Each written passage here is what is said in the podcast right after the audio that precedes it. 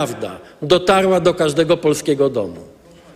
Oni wzięli władzę i dzisiaj pazurami trzymają się y, resztek tej władzy po to, żeby kraść, po to, żeby okradać Polskę, Polki i Polaków z pieniędzy na skalę niespotykaną w Europie.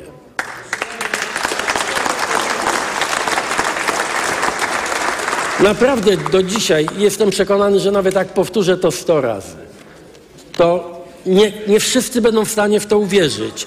Na szczęście jest pełna dokumentacja, która zostanie ujawniona i wszyscy Polacy zobaczą pełną dokumentację. Na przykład takiej informacji, że pięciu ludzi, którzy rządzili telewizją publiczną, zarobiło w ciągu roku ponad 4 miliony złotych. Ponad 4 miliony złotych. Niedawno jak wczoraj Polacy, dowiedzieli się, że każdy, kto był gotowy napluć na opozycję, na Tuska, dostawał za te kilka słów kłamstwa i propagandę 500 złotych. I niektórzy, i niektórzy za te czasami kilkusekundowe yy, ataki na, na opozycję, na ludzi, potrafili zarobić nawet 300 tysięcy złotych w ciągu roku. Wiecie, co mnie najbardziej zaintrygowało w tej informacji? Że dziesiątki działaczy PiSu, pseudoekspertów, ale także dziennikarzy mediów publicznych pisowskich. Że oni brali pieniądze, brali te 500 złotych, chociaż zarabiali, tak jak przed chwilą wspomniałem, miliony. Słowo zarabiali jest tutaj eufemizmem. To nie ma nic wspólnego z zarobkiem. Spytajcie Polaków, którzy ciężko pracują i zarabiają przez całe życie tyle, ile oni w, w rok czy dwa lata zarobili. Ale to, co jest właśnie intrygujące, to to, że zobaczcie, oni musieli płacić tym, którzy kłamali na nasz temat. Oni musieli płacić tym, którzy mówili dobrze o PiSie i o Kaczyńskim, bo nawet w ich środowisku trudno było znaleźć ludzi, którzy nieopłaceni mówiliby takie bzdury. Jak nisko upadliście, jak nisko upadła wasza partia, że za kłamstwa na temat opozycji i za pochlebstwa pod adresem y, waszych liderów musieliście płacić każdorazowo po 500 złotych. Znaczy to jest, czy naprawdę tego chcecie bronić? Czy naprawdę stoicie za tymi ludźmi, którzy to zorganizowali? Gdzie jest wasz interes? Dlaczego? Przecież my już to wszystko pokazujemy. Każdego dnia będziecie także wy dowiadywali się, jakiego systemu broniliście, jaki system budowaliście. Dzisiaj zastanówcie się chociaż przez chwilę, czy chcecie bronić panów Adamczyka, Pereire, Tulickiego, Kwiatkowskiego, Olechowskiego, pięciu dżentelmenów. Prawie 5 milionów złotych w 2023 roku. Czy na pewno chcecie bronić tych ludzi, którzy mimo, że nachapali się bez umiaru tych y, pieniędzy, ja mam tutaj, wiecie, no, kilkanaście kartek z informacją o tym, kto ile wyciągnął z mediów publicznych. Wiecie, że jak stracili te miejsca, gdzie doili ojczyznę bez umiaru, to znaleźli się natychmiast w innych miejscach, jeszcze w ostatniej chwili, byleby się jeszcze więcej nachapać. Niewyobrażalne właściwie z punktu widzenia normalnych ludzi jest to, że pan Olechowski, Jarosław Olechowski, jest kilku Olechowskich w życiu publicznym, więc żeby nie było wątpliwości, to ten, który odpowiadał za informacje, czytaj propagandę i kłamstwa w telewizji publicznej, ten, który zarobił w 2023 roku yy, z tytułu funkcji dyrektora telewizyjnej agencji informacyjnej, milion złotych 16 tysięcy 450, a z tytułów umów cywilnoprawnych w tejże telewizji dodatkowe 407 tysięcy 625 złotych brutto, półtora miliona za organizowanie kłamstwa na skalę największą w polskiej historii, ale w momencie, kiedy to koryto zostało mu nie zostało od niego odsunięte, to wiecie, co robi pan Olechowski? Gdzie się znalazł? W banku. W banku. Jest teraz doradcą zarządu w banku. Koledzy załatwili. Koledzy, którzy jeszcze w tych bankach decydują. Jeszcze przez chwilę decydują.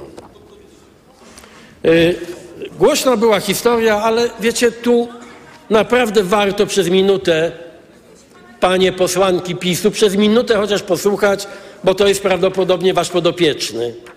A ja was pytam wprost, czy stoicie za nim murem? Nazywa się Paweł Gajewski, asystent Jacka Kurskiego. Dostał robotę w telewizji już w roku 2016, chociaż jeszcze nie miał zrobionej matury. Zajmował rozmaite stanowiska w tej telewizji publicznej. Y, tylko w ostatnich trzech latach, tylko w ostatnich trzech latach kursował między telewizyjną agencją informacyjną TVP3 y, Warszawa, był szefem młodzieżówki Solidarnej Polski, obecnie suwerennej Polski. On w latach 2021-2023, ten niezwykle kompetentny młodzieżowy aktywista od Ziobry, asystent Jacka Kurskiego, on w telewizji zwanej publiczną zarobił między 21 a 23 rokiem 3 miliony złotych. W roku 2021 ten świeży maturzysta, asystent Kurskiego, w roku 2021 zarobił 957 731 zł i 87 groszy. W roku 2022 najwyraźniej komuś się zrobiło go żal, więc został wyrównanie, może inflacyjne, i zarobił 1 milion 142 767 zł i 30 groszy. Stał się skromniejszy w roku 2023. Zarobił tylko 972 298 zł 96 groszy. Bronicie go?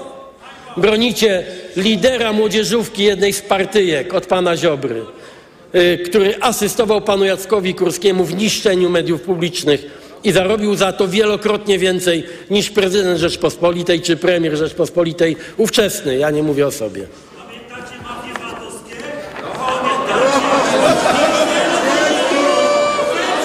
Solid... To jest ten klasyczny głos mafii politycznej.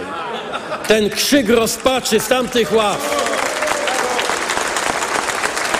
Zawsze, od kiedy ich pamiętam, a jak mało kto w Polsce pamiętam ich od pierwszych dni ich działalności w Polsce. Zawsze zarzucali swoim oponentom to, co sami robią. To jest zawsze dokładnie ta sama metoda.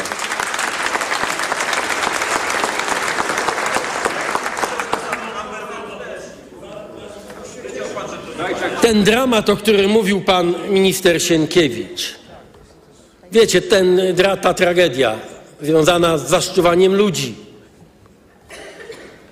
w tym tych najmłodszych ofiar waszego, waszych rządów. Ta tragedia ma konkretne nazwiska też po stronie zła. Pan Matecki to wasz kolega.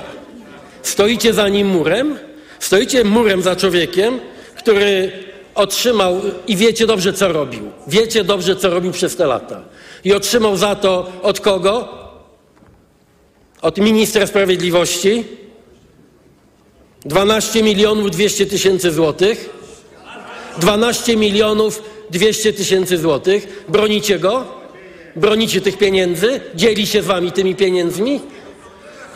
To jest, ten, to jest to pytanie, proszę Państwa, do wszystkich Polek i Polaków. Dlaczego oni z taką zaciekłością bronią takich ludzi? Dlaczego z taką zaciekłością, tak bezstydnie bronicie y, y, takich pieniędzy, takich, te, te brudne interesy? To, tam, tam trzymacie tarczę. Dlaczego? Jaki jest powód, dla którego partia, która powołuje się na, na dekalog, postanowiła bronić takich ludzi, tak wielkie pieniądze? Co jest powodem? Chcę powiedzieć, ta historia ona będzie miała dalszy ciąg.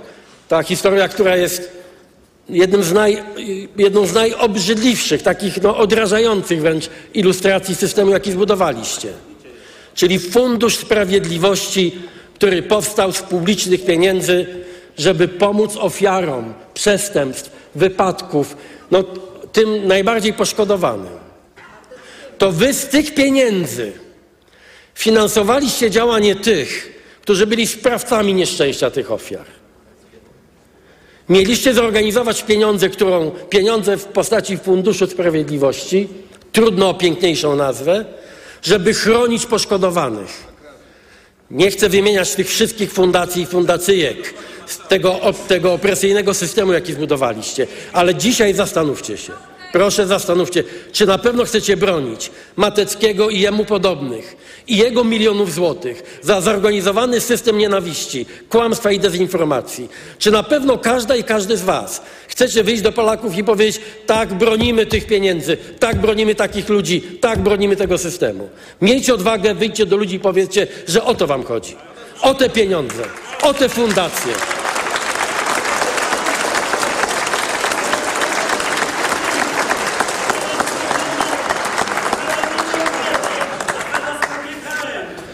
Mógłbym odczytać kolejne nazwiska. Wśród nich są tak zwani dziennikarze, najbardziej znani przez to ciągłe pokazywanie się w tej y, machinie hejtu, pogardy, nienawiści. Byli tam codziennie. Wiecie, dlaczego byli codziennie? Wiecie, dlaczego widzieliście te same twarze po kilka, nawet kilkanaście razy, kilkanaście razy dziennie w telewizji? Kasa. Kasa. Waszą wiarą jest chciwość. Waszym bożkiem jest mamona. To jest prawda o prawdziwej motywacji PiSu. To jest powód, dla którego walczą tak, z taką namiętnością o, o ten system. Wiecie, że mimo, że ich zarobki sięgały setek tysięcy, a nawet milionów, to oni się po każdy grosik schylili. Wydoili telewizję publiczną na milion, to poszli do radia, żeby dostać parę tysięcy za pięciominutową audycję. Mam całą listę waszych towarzyszy i towarzyszek z mediów publicznych. Każda minuta kłamstwa była sowicie opłacana. Będziecie mogli to o tym przeczytać, będziecie mogli to obejrzeć w niezależnych i wolnych mediach. Cała Polska zobaczy to, co robiliście. I chcę wszystkich uspokoić. Ja wiem, że to jest bardzo irytujące, kiedy ja mówię dzisiaj o tym, że Jarosław Olechowski, który, który złupił telewizję publiczną, znalazł teraz spokojną przystań, yy, yy, spokojną przystań yy, w jednym z banków. Y, wiecie, puentą do tego jest, przed chwilą mówiłem o tym młodzieńcu, tym asystencie Jacka Kurskiego, tym od 3 milionów w 3 lata. Y, on ma wyobraźnię. On wiedział, że musi uciec z tonącego okrętu. Jak myślicie, co robi dzisiaj Paweł Gajewski, nasz świeżutki maturzysta, nasz milioner od Kurskiego? Gdzie znalazł robótkę? W Narodowym Banku Polskim, pod skrzydłami pana Glapińskiego. Tego chcecie bronić? Naprawdę, naprawdę za niego chcecie dać głowę? Za niego będziecie się wstydzić do końca swojego politycznego życia. Jest oczywiście też pan Jan Maria Tomaszewski, postać już legendarna, z zawodu kuzyn prezesa Kaczyńskiego. W sumie chcę państwu powiedzieć, że jako prezes Rady Ministrów mogę zabrać w każdej chwili głos w czasie tej debaty, więc ograniczenie czasowe w moim przypadku nie ma yy, zastosowania. Poza tym Poza tym ja rozumiem, że was te słowa ranią. Te słowa mają was zranić. Może dotrą do waszych sumień, ale te słowa przede wszystkim dotrą do wszystkich Polek i Polaków. Dzisiaj jestem o tym przekonany, bo to jest coś, co naprawdę interesuje opinię publiczną. Jakie są prawdziwe powody waszej yy, yy, czasami wręcz paranoicznej aktywności w obronie tego upadłego na szczęście systemu. Yy, mówię o panu y, y, Tomaszewskim nie tylko dlatego, że jest takim klasycznym przykładem rodzinnych koneksji. To rzeczywiście z powodów rodzinnych z wodociągów warszawskich trafił natychmiast na czołowe miejsca w mediach publicznych. I mm, no, według mediów jego losy tam były różne. Kiedy się orientowano, że się nie nadaje, trafiał w inne miejsce. Mm, na końcu zajął się teatrem w TVP według Newsweeka zarabiał z tego tytułu 35 tysięcy złotych miesięcznie. Chcę Państwu powiedzieć na koniec, że ten czas się definitywnie skończył. Nikt z Was nie ukryje się na dłuższą metę w żadnym z banków, bo tam też zrobimy porządek. Nikt z Was nie znajdzie przystani i bezpieczeństwa w Narodowym Banku Polskim, bo tam także nastanie niedługo porządek. Nikt z Was już nie będzie więcej okradał Polek i Polaków, którzy są tak szczęśliwi, że na ich konta od wielu już dni wpływa 800 plus i pewnie jest im bardzo, bardzo przykro, że te 800 plus na ich dzieci, że te 800 plus na ich dzieci, a będą wszystkie, jak już powiedziałem, yy, te pieniądze wypłacone szybciej niż ustawa yy, to przewidziała. Ale Każda informacja, że te pieniądze przychodzą do polskiego domu, opatrzona na pewno jest takim też gorzkim i smutnym komentarzem. Okej, okay, dla nas 800, plus, ale to, co oni wyprawiali przez te 8 lat. Jaka to jest, gdzie, gdzie tu jest sprawiedliwość? O prawie nie wspomnę, bo prawo się wami zajmie w, tego tytułu. Ale gdzie jest tu poczucie jakiejś ludzkiej sprawiedliwości? Zacząłem y, y, to wystąpienie od cytatu jednego z pisowskich działaczy propagandowych. Skończę cytatem, który zrobił chyba na wszystkich wrażenie. Rzadko kiedy aktywista PiSu, wysoki funkcjonariusz PiSu jest tak szczery, jak pan minister Marcin Horała w listopadzie 2023 roku. Nie w rozmowie prywatnej, tylko publicznie publicznie w telewizji na pytanie o korupcję pisowską, o to, czy ci ludzie, którzy się tak nakradli bez umiaru, czy oni oddadzą pieniądze. Pan minister Chorała powiedział, cytuję, jeżeli ktoś cokolwiek ukradł niezgodnie z procedurami, to oczywiście musi oddawać. Wiecie, dlaczego bronią tak mocno tych niby procedur tego, jak powiedział minister Sienkiewicz, tego schakowanego państwa. Ponieważ dzisiaj ten obóz byłej władzy, PiS,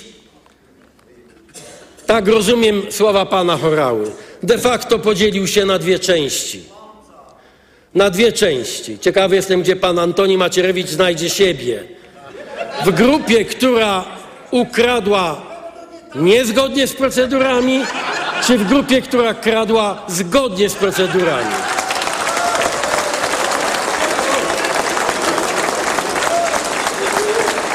Bartłomiej Sienkiewicz dobrze przysłużył się Rzeczpospolitej. Bartłomiej Sienkiewicz nadal dobrze będzie służył Rzeczpospolitej. Dziękuję bardzo. Słuchali Państwo oklasków e, dla e, szefa rządu Donalda Tuska, który zabrał e, głos w ramach debaty, w ramach wniosku o wotum nieufności wobec ministra kultury Bartłomieja Sienkiewicza. W Sejmie tej i kolejnym debatom i poprzednim przygląda się Maciej Kluczka, Dzień reporter dobry. Radia Tok FM. Dziękuję Ci. Maćku, to tak Podsumowując, e, e, coś wyszło poza oczekiwania twoje i prognozy, co tu ważnego? E, raczej standardowo przebiegła ta debata z dużymi emocjami, chociaż takim dodatkowym akcentem było wystąpienie samego premiera Donalda Tuska, bo nie ma oczywiście takiego obowiązku. Szef rządu nie musi bronić swojego ministra, nawet sam minister nie musi się bronić, ale wyszedł zarówno Bartłomiej Sienkiewicz, który ostatnio unikał jednak przechodzenia przez korytarze sejmowe, żeby nie rozmawiać z dziennikarzami, więc teraz jest to taka jedna pierwsza z okazji wysłuchania jego stanowiska wobec tego, co się działo w mediach publicznych. No i sam premier. No, argumenty są znane, także z naszej anteny. One zostały tutaj powtórzone. Zarzuty PiSu, opozycji wobec ministra Sienkiewicza są takie, że pominął przy zmianach w zarządach mediów e, publicznych, spółek medialnych, e, pominął e, Radę Mediów Narodowych powołaną przez PiS. No problem z tą radą jest taki, to też oczywiście wszyscy pewnie wiemy, że została powołana z pominięciem konstytucyjnych uprawnień Krajowej Rady Radiofonii i Telewizji. Ta ustawa o Radzie Mediów Narodowych częściowo została zakwestionowana przez Trybunał Konstytucyjny w 2016 roku. No ale ustawa w obiegu jest prawnym, ona nie została wycofana, więc tutaj różne, także nawet samej koalicji rządzącej wątpliwości wobec ministra Sienkiewicza były. No i sąd rejestrowy to jest kolejny argument PiSu. Nie wpisał tych zmian do y, Krajowego Rejestru Sądowego. Ale sytuacja mediów publicznych tak naprawdę już jest inna, bo po wecie prezydenta w sprawie ustawy około budżetowej i miliardów złotych dla TVP no, jest stan likwidacji. I o tym też mówili, broniąc ministra Sienkiewicza, posłowie Koalicji Obywatelskiej, ale też Trzeciej Drogi czy Lewicy. Między innymi też wiceminister kultury Joanna Szoring-Wielgus, która z Lewicy właśnie y, pochodzi. No i wyszedł sam minister Sienkiewicz i tu tylko y, powiem, że oprócz argumentów prawnych były bardzo mocne, silne, emocjonalne argumenty dotyczące tego, jaki był przekaz mediów publicznych przez 8 lat. Że tak naprawdę mamy ofiary i to w sensie dosłownym. I tu padły nazwiska syna posłanki Magdaleny Felix i prezydenta Adamowicza, byłego prezydenta Gdańska, wobec których ten hejt, propaganda, y, no skutki po prostu były tragiczne. To było przywołane i, i sam minister Sienkiewicz i premier mówili, że musieli zatrzymać tę sytuację, bo gdyby tego nie zrobili, to nie tylko odpowiedzialność polityczna, ale wręcz taka moralna by na nich ciążyła. I, no, tak. Mhm. I wymieniali oczywiście to, tak. co nas wielu w każdym razie bulwersuje, te nieprawdopodobne e, e, zarobki i gości tak. i mhm. prowadzących, ale już podsumowując, oczywiście więcej w kolejnych e, e serwisach, serwisach i mhm. też programach po 17. Podsumowując, wotum, kiedy będzie głosowane, bo wynik raczej oczywisty. Przesądzony. Według planu miało być po 16.30 blok głosowań, tam będzie także w sprawie odwołania z prezydium Sejmu wicemarszałka Bossaka i w sprawie odebrania immunitetu poselskiego posła Brauna, ale to wszystko się przedłużyło i tak naprawdę dopiero chyba po 17, bo jest takie hmm. półgodzinne opóźnienie. No, yy, w sprawie posła Bosaka, tu bym się nie pokusił o przesądzenie wyniku, bo tutaj PiS jest trochę podzielony, trochę nawet e, trzecia droga, czy w ogóle koalicja, e, więc tutaj wyniku bym nie przesądzał, ale w sprawie Bartłomieja Sienkiewicza, Misa Kultury, wszystko jest przesądzone, on na stanowisku zostanie. Bardzo, bardzo Ci dziękuję za to podsumowanie. Maciej Kluczka, sejmowy reporter Radia TOK FM. Światopodgląd. Zaczynamy, wracamy do e, rytuału, grafiku, czyli zaczynamy światopodgląd, ale oczywiście jak tylko coś będzie się działo, to i w światopodglądzie się Państwo dowiecie i z serwisów informacyjnych, a dużo więcej podsumowań po 17 w wywiadzie politycznym i po 18 oczywiście w magazynie tych podsumowań sejmowych, bo teraz e, również e, inne aspekty naszej rzeczywistości e, społeczno-ekonomicznej. Łączymy się z doktor habilitowaną Patrycją e, Grzebek. Dzień dobry pani profesor. Dzień dobry. Profesor Grzebek jest związana z Uniwersytetem Warszawskim, tamtejszym Wydziałem Nauk Politycznych i Studiów Międzynarodowych. Minęło już kilka dni, bo w czwartek e, Międzynarodowy Trybunał Sprawiedliwości rozpoczął rozpatrywanie sprawy wniesionej przez RPA. RPA oskarża Izrael o popełnienie e, ludobójstwa czy e, czynów e, ludobójczych na Palestyńczykach w strefie gazy. W czwartek przedstawili te zarzuty, e, w piątek odpowiedział na nie Izrael. Już minęło kilka dni, ale jest to na tyle gorąca sprawa, że te komentarze są codziennie, ktoś inny na coś innego zwraca uwagę. Domyślam się, że już pani też miała okazję się zapoznać dokładniej z tymi e, dokumentami, więc, e, czy tymi stanowiskami, więc to tutaj warto e, podkreślić. Znaczy pamiętajmy, że jeszcze nie jest rozpatrywana sprawa merytoryczna. Na razie mamy tylko rozpoczęcie postępowania przez RPA, bo złożyła to na koniec grudnia e, zeszłego roku i poprosiła o wyznaczenie środków zaradczych. I to wysłuchanie, o którym pani mówi, a które miało miejsce w zeszły czwartek i piątek, właśnie dotyczyło ewentualnie zarządzenia środków zaradczych, e, gdyż RPA wskazywała, że jest po prostu niebezpieczeństwo wyrządzenia no, takiej szkody, której nie będzie się dało naprawić, ponieważ e, to ludobójstwo trwa i każdy tydzień przedłużania operacji wojskowej prowadzonej przez Izrael prowadzi do e, kolejnych strat e, wśród ludzi. I dlatego RPA wystąpiło o, nie, między innymi, bo tam jest sporo zarzutów i też sporo środków zaradczych, o które RPA prosi, ale właśnie o natychmiastowe zawieszenie operacji zbrojnej, którą prowadzi Izrael, a także zobowiązanie Izraela, ale także RPA, bo to RPA także wpisał swój e, wniosek, aby obydwa państwa zrobiły co w ich mocy, aby zapobiec e, ludobójstwu i e, żeby właśnie także wpłynąć, Izrael, żeby wpłynąć na swoje siły zbrojne, nie tylko jeśli chodzi o prowadzenie przez nie operacji, która ma charakter ludobójczy zdaniem RPA, ale także, żeby zapobiec różnego rodzaju wypowiedziom, y, które mają na mm, celu zachęcanie do popełniania y, ludobójstwa. Bo też warto podkreślić, że w tym, w tym dokumencie, tym wstępnym, który przygotowały RPA, a dopiero teraz zaczną spływać takie dokumenty no, poważniejsze, bo MTS wyznaczy daty z złożenia przez RPA memoriału, później będzie e, kontrmemoriał odskładał e, Izrael, a teraz jest tylko kwestia środków zaradczych, ale już w tym pierwszym wstępnym dokumencie RPA w bardzo taki skrupulatny e, sposób wskazała zarówno na te dokumenty, które wskazują na czyny o charakterze ludobójczym, ale także na bardzo dużą ilość różnego rodzaju wypowiedzi najwyższych przedstawicieli państwa izraelskiego, które miały taki charakter, powiedzielibyśmy, mowy nienawiści, ale także mowy o takim zabarwieniu na, no właśnie, ludobójczym w tym sensie, że nawiązującym do, jakby zachęcającym do popełniania zbrodni w gazie. I teraz y, y, pytanie, co z Pani perspektywy jest y, szczególnie, na co warto zwrócić uwagę? Pytam w tym kontekście, że rzeczywiście ciekawe jest, że codziennie pojawiają się nawet w takim głównym nurcie, mediach głównego nurtu, różnego rodzaju komentarze, dlaczego ta sprawa jest ważna. No i wydaje się, że jest ważna przede wszystkim z takiej perspektywy politycznej, szeroko rozumianej, że jednak to jest oskarżenie wobec Izraela a za którą stoją sojusznicy, którzy to zazwyczaj innych rozliczali z ludobójstwa.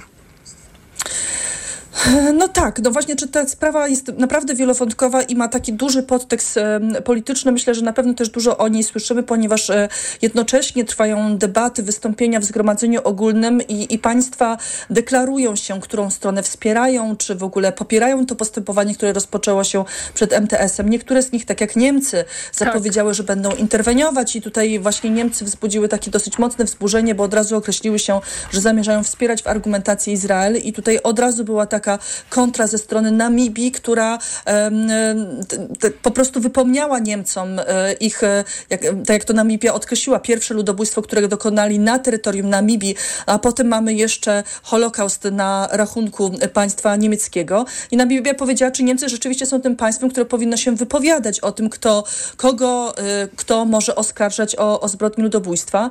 I niestety też widzimy, że buduje się taki podział, kiedy te państwa globalnego południa zaczynają wspierać RPA i jej odwagę w rozpoczęciu tego postępowania, a z kolei państwa globalnej północy raczej opowiadają się po stronie Izraela. Natomiast to jest taki, powiedziałabym, sztuczny podział i on nie powinien e, w ten sposób przebiegać, bo tak naprawdę to, co tłumaczy RPA, to im chodziło o to, że jeżeli dochodzi do zagrożenia popełnienia ludobójstwa, to wszystkie państwa są zobowiązane do działania. I RPA uznało, że sposób, w jaki ono zadziała, to jest zgłoszenie sprawy do MTS-u. I my już możemy zobaczyć pozytywne skutki tego wystąpienia do Międzynarodowego Trybunału Sprawiedliwości.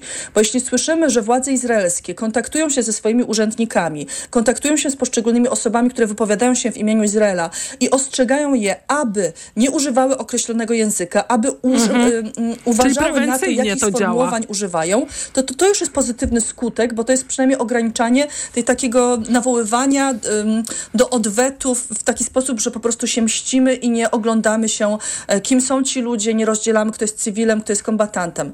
Natomiast jasno chciałabym tutaj wskazać, że po prostu obydwie strony w czwartek i piątek przedstawiły bardzo mocne argumenty. Izrael także y, tutaj miał y, mocne argumenty prawne, wskazując na to, że jest w sytuacji ciągłego zagrożenia, że się broni, a zniszczenia, których dokonał, e, były zgodne z międzynarodowym prawem humanitarnym e, i w związku z tym no, nie ma się co frustrować, że robią to, na co im prawo pozwala.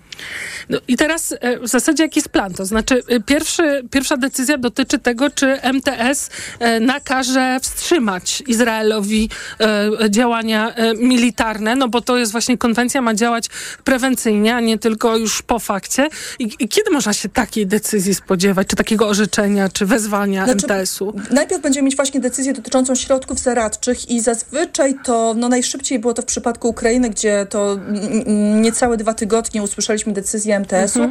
W innych przypadkach to trwa trochę dłużej, od 4 do 6 tygodni, ale ja myślę, że tutaj ze względu na to zagrożenie, z którym mamy do czynienia, że może dojść do dalej do czynów ludobójczych, no to możemy się spodziewać tej decyzji w ciągu tygodnia, dwóch. Natomiast no tutaj na pewno też są bardzo duże kontrowersje wśród sędziów, więc to jest pytanie, czy oni będą w stanie uzgodnić stanowisko, bo pani tutaj wspomniała, że czekamy na decyzję o zawieszeniu tej operacji zbrojnej prowadzonej przez Izrael, na, ale ja nie wiem, czy możemy się do, zarzuce, do za, zatrzymania jej, bo nie wiadomo, czy Izrael, e, Putin się nie zastosował. O. Nie zastosował się, ale też ja nie wiem, czy MTS rzeczywiście by zarządził e, takie Mhm. zatrzymanie em, tejże operacji. Być może będzie mowa o jakimś ograniczeniu, zbadaniu, dopuszczeniu pomocy humanitarnej, bo na to zwracała przede wszystkim uwagę RPA, że tam po prostu nie można dostać się z pomocą humanitarną, z dostawą wody, em, z właśnie pomocą dla szpitali. Więc te środki e, naprawdę mogą mieć różny charakter i one niekoniecznie muszą oznaczać, że MTS powie tak, proszę zatrzymać operację zbrojną. Zresztą wiemy, że gdyby MTS zdaje sobie z tego sprawę, że gdyby tak zarządzenie to Izrael się na pewno do tego nie zastosuje, bo już e, jest szereg opinii prawnych, które mówią, że MTS nie może ograniczyć prawa Izraela do samoobrony, a Izrael w piątek przypominał, że teraz, gdy ta sprawa toczy się przed MTS-em, to jednocześnie rakiety są wymierzane w państwo Izrael i, i że dużo Izraelczyków nie, żyje, nie ginie w wyniku tych ataków. To jest tylko skutek em, no, przeciwdziałań, które prowadzi państwo izraelskie, ale to nie znaczy, że państwo izraelskie nie jest zagrożone atakami ze strony Hamasu, Hezbollahu, no i też nawet e, wskazano na odpowiedzialność Iranu w tym zakresie. To tak na koniec rozumiem, że ta sprawa jest też dlatego e, tak emocjonująca czy intrygująca między innymi dla badaczy e, i badaczek jak pani, że, że tutaj przez to zaangażowanie bardzo wielu stron wykuje się ileś precedensów.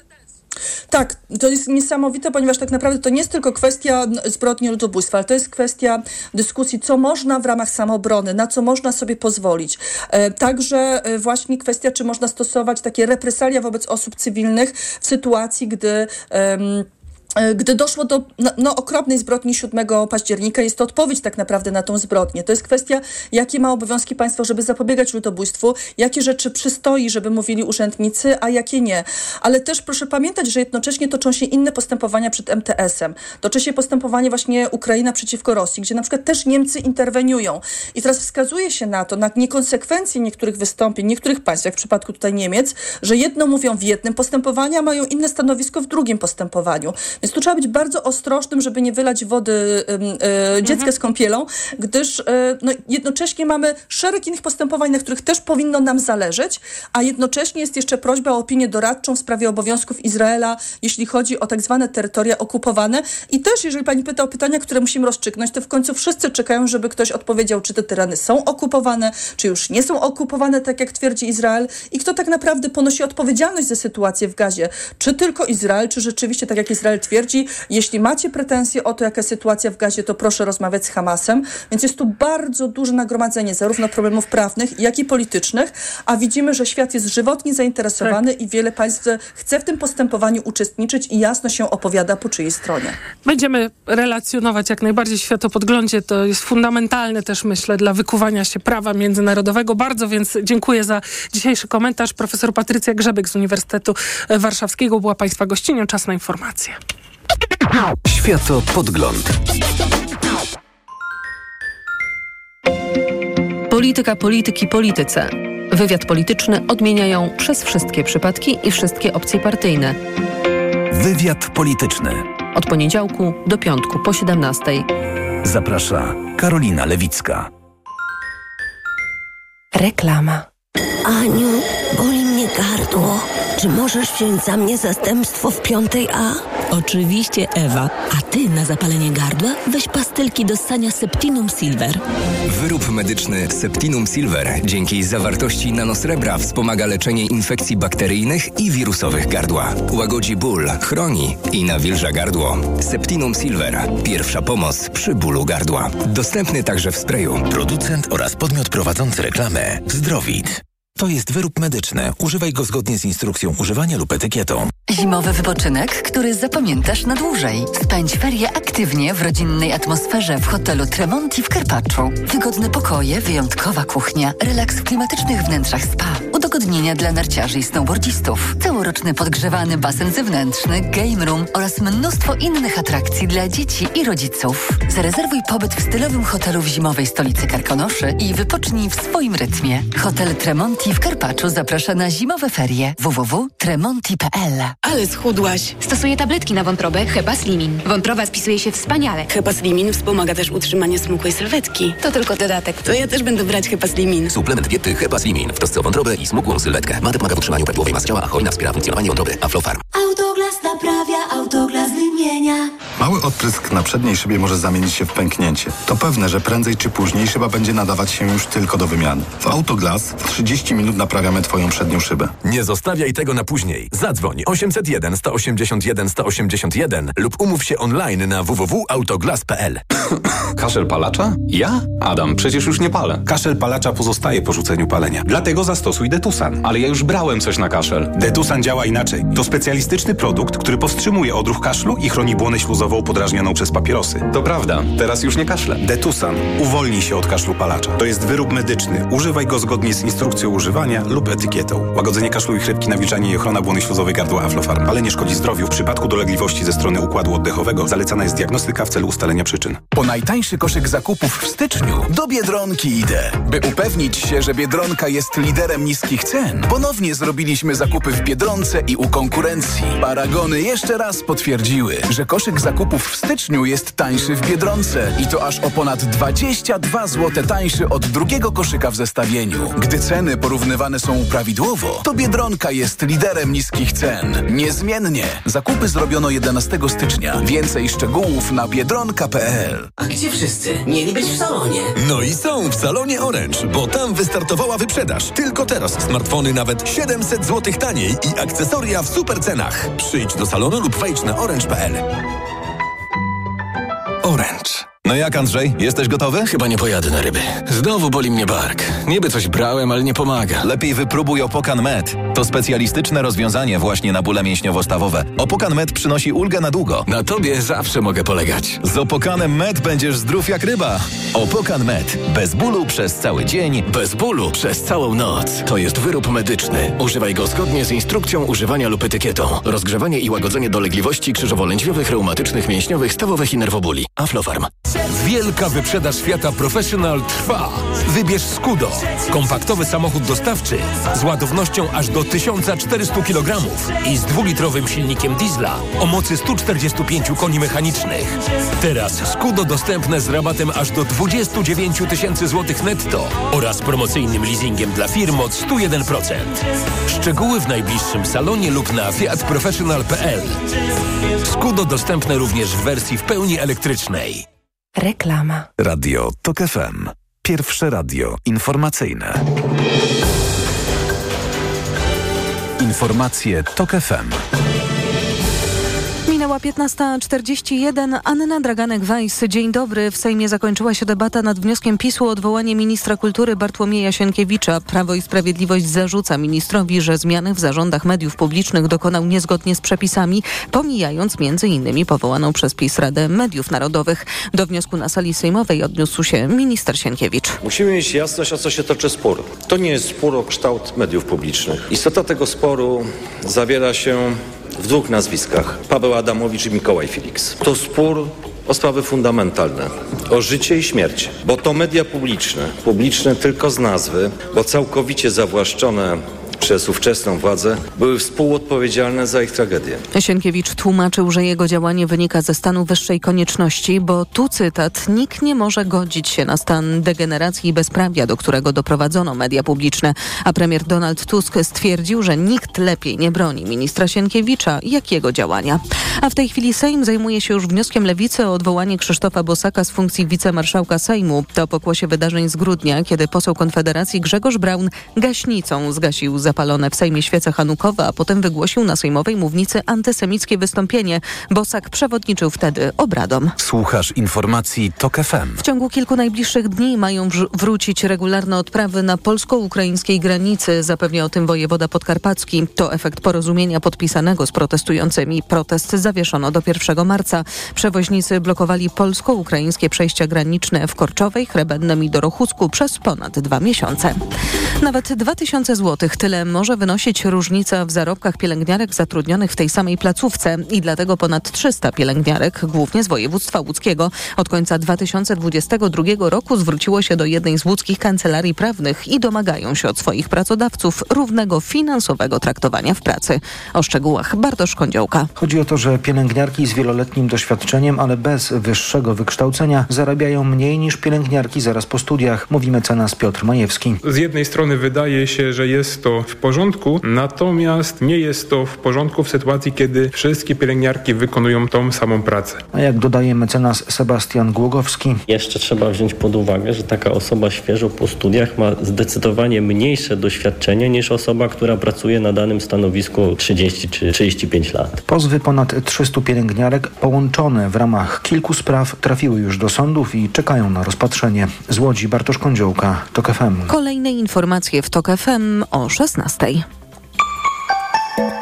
Pogoda. Wieczorem miejscami popada śnieg, a na południu Polski także deszcz ze śniegiem, później marznący deszcz i gowoleć. Na termometrach od minus 5 stopni na północnym wschodzie, około minus 1 w centrum, do 1 stopnia na południowym zachodzie kraju.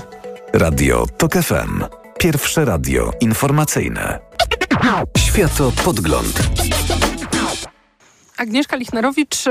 Bardzo serdecznie zapraszam Państwa teraz e, na rozmowę z doktorem Pawłem e, Bukowskim z University College London, Polskiej Akademii Nauk i też grupy eksperckiej Dobrobyt na Pokolenia. Dzień dobry. Dzień dobry. I też podkreślę to y, y, czołowym badaczem nierówności w Polsce, bo o tychże nierównościach będziemy rozmawiać y, właśnie w Polsce szczególnie, bo kolejna analiza została opublikowana chwilę temu współautorstwa doktora Bukowskiego na temat tychże nierówności i cały czas wydaje mi się do przestrzeni, do, do debaty publicznej w Polsce nie przebija się, że z, z tych analiz doktora Bukowskiego wynika, cytuję, że Polska jest jednym z najbardziej nierównych e, społeczeństw w Europie. Ale zanim o tym, e, to, to raport doroczny Oxfamu, organizacji brytyjskiej, która publikuje go w związku ze zjazdem potężnych i bogatych w szwajcarskim e, Davos i jak co roku pokazują tę dynamikę globalnych nierówności. Problem jak zwykle się pogłębia. Jest to jednak poruszające. Według ich analizy pięciu najbogatszych mężczyzn podwoiło swój majątek mm, od 20 roku, czyli bardzo bardzo, bardzo na pandemii zarobili, podczas gdy 5 miliardów e, ludzi w tym czasie e, zbiedniało. Oni robią, zarabiają 14 milionów na godzinę. Tu jest mnóstwo poruszających liczb, które no wyraźnie pokazują, że się, e, nie wiem jak to powiedzieć, konsoliduje majątek u samej góry już globalnej elity czy arystokracji. Nie wiem na ile to jest publicystyka, która, i pytam doktora Bukowskiego, jednak ekonomiście nie przejdzie e, przez usta, że mówimy już o jakiejś globalnej arystokracji, która po prostu ma coraz więcej władzy. Oni tam wyliczają korporacje, własność korporacji, majątki korporacji większe niż całych kontynentów. E, I czy należałoby w uproszczeniu zakazać miliarderów albo bilionerów, bo już niedługo mamy mieć bilionerów na świecie? To znaczy, zacznijmy od tego, co rozumiemy przez to słowo zakazać. E, tak. Rozumiem, że tu prawdopodobnie ma Pani na myśli e, e, po prostu podwyższenie podatku do takiego tak. stopnia, w którym osoba w pewnym momencie nie zarabiała już by nic powyżej pewnego tak. progu.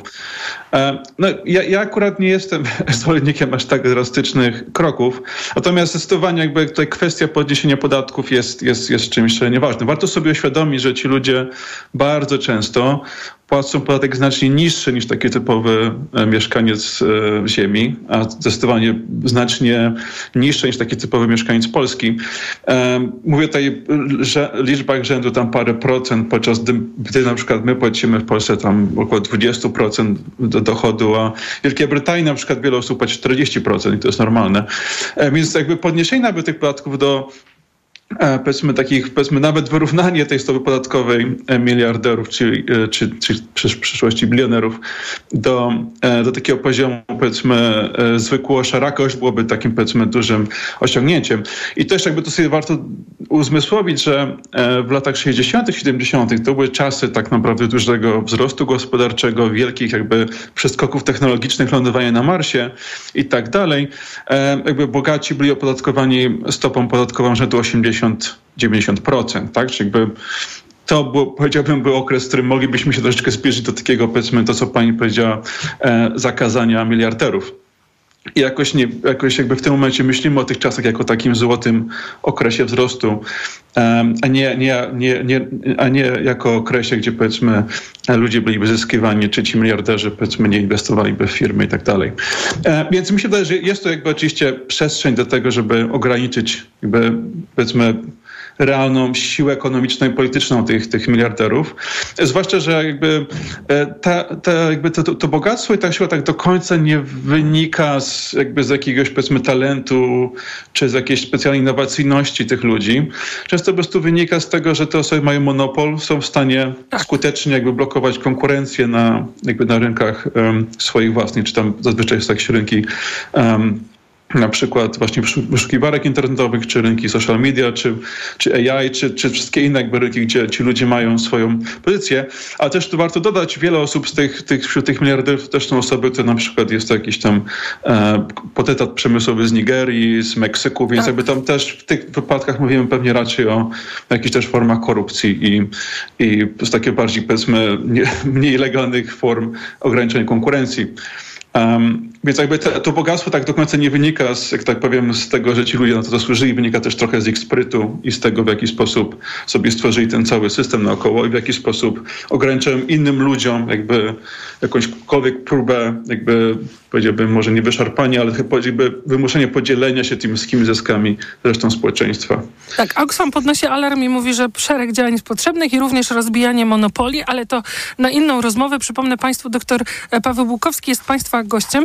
Współautor kolejnej analizy o polskich nierównościach. E, polskie nierówności w XXI wieku. To się ukazało w ramach e, właśnie współpracy University College London i dobrobytu na pokolenia. To jest nasza kolejna rozmowa o nierównościach. Państwo też pewnie czytacie i słyszycie Pawła e, Bukowskiego, więc wybrałabym kilka wątków z tej najnowszej analizy. Wydaje mi się, że warto zwrócić uwagę, za wami zwracam uwagę na to, że w Polsce kryzysy działają, i no nie tylko w takim razie, wyrównująco, a gdy mamy do czynienia z jakimś pobudzeniem gospodarczym, e, przyspieszeniem gospodarczym po wejściu do Unii Europejskiej, czy po pokonaniu e, tego e, kryzysu 2008 roku, to nagle bogaci bogacą się dużo szybciej. Um, tak, jest to wynika jakby z tego, że w Polsce jakby ci warto zrozumieć, kim są bogaci w naszym kraju. To są osoby głównie na działalności gospodarczej. To są osoby jakby tacy powiedzmy rodzimi przedsiębiorcy i w Polsce jakby z powodów strukturalnych to, to, jakby to nie wynika do końca żadnych praw ekonomicznych, po prostu tak jest ułożone nasze społeczeństwo. Wzrost gospodarczy w znacznie większym stopniu trafia do, jakby powiedziałbym, do kapitału, do działalności gospodarczej niż do zwykłych pracowników. I dlatego też ponieważ ten wzrost gospodarczy znacznie w większym stopniu jakby e, daje korzyści kapitałowi, tym samym również znacznie mhm. więcej daje korzyści osobom bogatym, którzy są zazwyczaj na działalności gospodarczej, którzy są właścicielami kapitału i przez to również w znacznie większym stopniu ma zwiększenie równości. I tu jakby to, czyli powiedzmy to, to połączenie pomiędzy jakby wzrostem gospodarczym a, a nierównościami właśnie w Polsce wynika z tej bardzo silnej roli kapitału działalności gospodarczej wśród najbogatszych ludzi. I teraz oczywiście by to znowu chciałem podkreślić, to nie wynika z jakichś powiedzmy praw natury ekonomicznych, że wzrost gospodarczy musi w większym stopniu trafiać do, do kapitału, a w mniejszym do pracy. To, to wynika w dużym stopniu z tego, w jaki sposób zorganizowaliśmy nasze społeczeństwo, jakie mamy polityki, jakie mamy instytucje, no tak, czy na przykład mamy silne związki zawodowe, czy ich nie mamy, e, w jaki stopniu na przykład e, kierujemy zmianą technologiczną, czy pozwalamy powiedzmy firmom automatyzować produkcję e, bez względu na to, co się dzieje z tymi pracownikami i tak dalej, i tak dalej. Więc jakby to, jakby, to chciałem to podkreślić, że jakby, ta, jakby ten, ten związek między wzrostem a nierównościami jakby nie świadczy o tym, że nierówności są dobre albo są takim powiedzmy skutkiem, skutkiem ubocznym wzrostu, tylko raczej jakby jest to, jest to jakiś powiedzmy, jest to jakiś powiedzmy wybór, wybór nas wszystkich. Zwłaszcza, że ten e, raport Oxfamu wyraźnie wskazuje, że nie skapuje. To znaczy, że tych kilku najbogatszych ma podwojony majątek, a 5 miliardów e, ludzi się e, zubożało, więc mechanizm może być dokładnie inny. Ale wydaje mi się, że to jest ważne, żeby to podkreślić, bo też jak patrzę na wykresy, które zamieszczacie, ile z tego dodatkowego, wypracowywanego majątku trafia do najbogatszych, ile do najuboższych, to tutaj chyba jest właśnie to nieporozumienie wieczne u nas, że jedni mówią, no ale jak, przecież E, państwo się bogaci, wyniki ekonomiczne super, a duża część ludzi niezadowolona.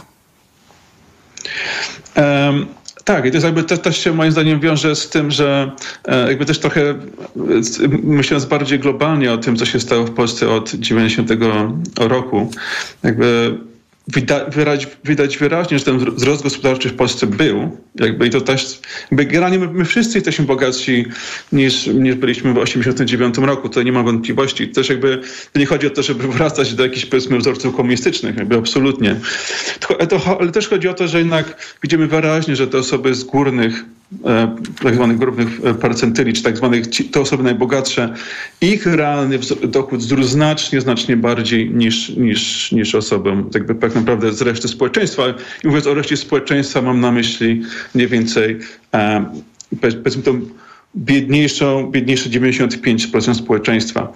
Um, też oczywiście powoduje to, że gdy, gdy, gdy rozmawiamy o transformacji, nagle pewna grupa ludzi mówi o tym, że przecież to był wielki sukces, Polska tak. jest tym tygrysem, czempionem wzrostu, a, a druga, druga część mówi, nie no, ale zaraz przecież było bezrobocie, było przecież gigantyczny e, kryzys, e, dochody nam spadły, e, jakość życia nam jakby znacznie pogorszyła. To tak naprawdę te dwie grupy mogą mówić prawdę. I poczucie mogą... niesprawiedliwości, tak mi się wydaje, tak, tak. że to jest też mhm. ważne, że czasami, to też podkreślają specjaliści od rewolucji, że czasami chodzi też o, o to poczucie, że inni z jakiegoś powodu niesprawiedliwego idą szybciej.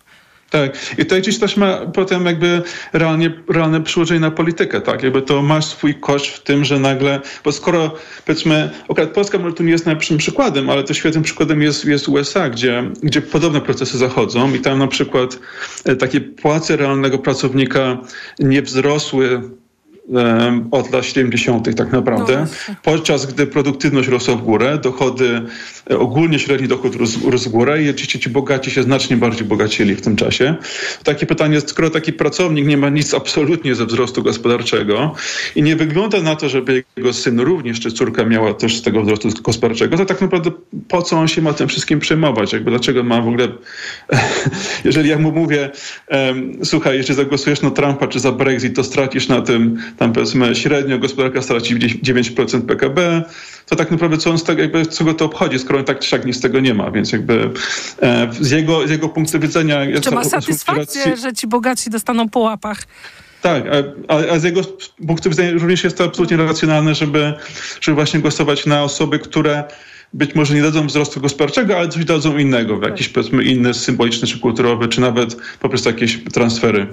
E, w jakiś sposób e, jakby poprawią sytuację tej osoby. I to mi się wydaje, że też podobnie jest częściowo w Polsce, jednakże dla dużej części społeczeństwa tak naprawdę argumenty ekonomiczne mogą wcale nie e, w jakimś stopniu nie, ich nie przekonać do głosowania, ponieważ oni tak czy wiedzą, że oni tego wszystkiego dostaną jakąś niewielką część. Natomiast inne rzeczy, które E, powiedzmy dla tych elity wydają się, wydają się, być, wydają się być koszmarne, natomiast mogą mieć znacznie większe znaczenie dla tej drugiej grupy. Jakby w tym sensie te nierówności jakby dochodowe mogą jakby prowadzić do takiej, powiedziałbym, no, populizmu politycznego, mogą prowadzić do też sporej polaryzacji społecznej, jeżeli chodzi o poglądy e, polityczne. Będziemy kończyć, ale tu jest dużo wątków, są też takie, które zazwyczaj podkreśla dr Bukowski, czyli że system podatkowy jest de facto w Polsce wciąż regresywny. E, bardzo ciekawa, zanalizowana też ta luka płacowa, to Państwo już doczytacie, ten raport jest ogólnodostępny. Bardzo dziękuję za rozmowę. Dr Paweł Bukowski z UCLA, University College London, Polskiej Akademii Nauk i Grupy Dobrobytna Pokolenia. Bardzo dziękuję. Dziękuję bardzo. Światopodgląd.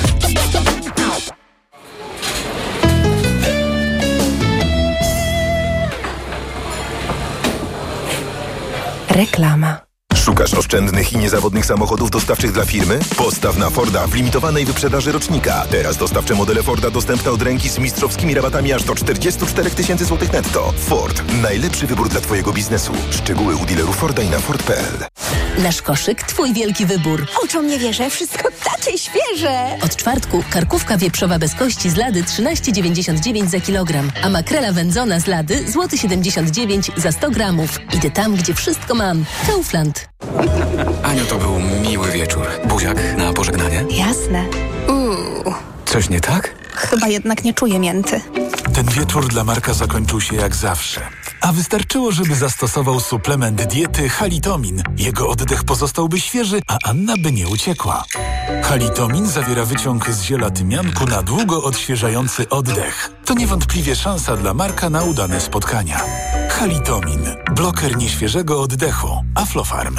Sprawdzaj biedronkowe oszczędności codziennie. Do środy. Schab wieprzowy bez kości pakowany próżniowo Kraina Mięs 12,99 za kilogram. A po wyświetleniu oferty w aplikacji 10,99. Limit łączny w okresie promocji 5 kg na konto Moja Biedronka. A do soboty olej rzepakowy kujawski 1 litr 5,99 za butelkę. A wszystkie soki, smoothie i napoje Vital Fresh 2 plus 1 gratis z kartą Moja Biedronka. Limit dzienny 6 opakowań, maksymalnie 2 gratis na kartę. Codziennie niskie ceny to dobry powód, by iść do Biedronki. Marian, a na tej wielkiej wyprzedaży to gdzie kupować? Barbara, no w Media Expert zresztą, sama posłuchaj. Wielka wyprzedaż w Media Expert. Na przykład grafitowa lodówka Beko. Najniższa cena z ostatnich 30 dni przed obniżką 1799 zł 99 groszy. Teraz za jedyne 1599 z kodem rabatowym taniej o 200 zł.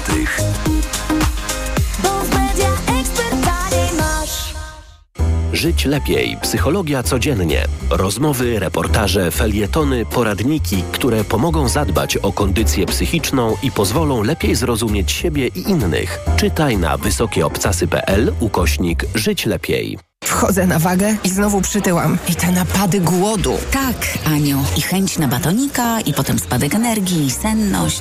Skąd wiesz? Już to przerabiałam. Okazało się, że miałam wahania poziomu cukru we krwi. Mnie pomógł trisulin. Suplement diety Trisulin to aż trzy ekstrakty roślinne dla wsparcia prawidłowego metabolizmu glukozy. Trisulin to połączenie morwy, kozieradki oraz górmaru, który dodatkowo kontroluje wagę, zmniejszając apetyt na słodycze. Trisulin i cukier w normie. Zdrowit. Reklama. Radio TOK FM.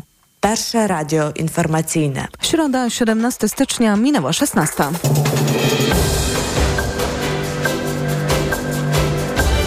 Informacje TOK FM. Anna Draganek-Weiss.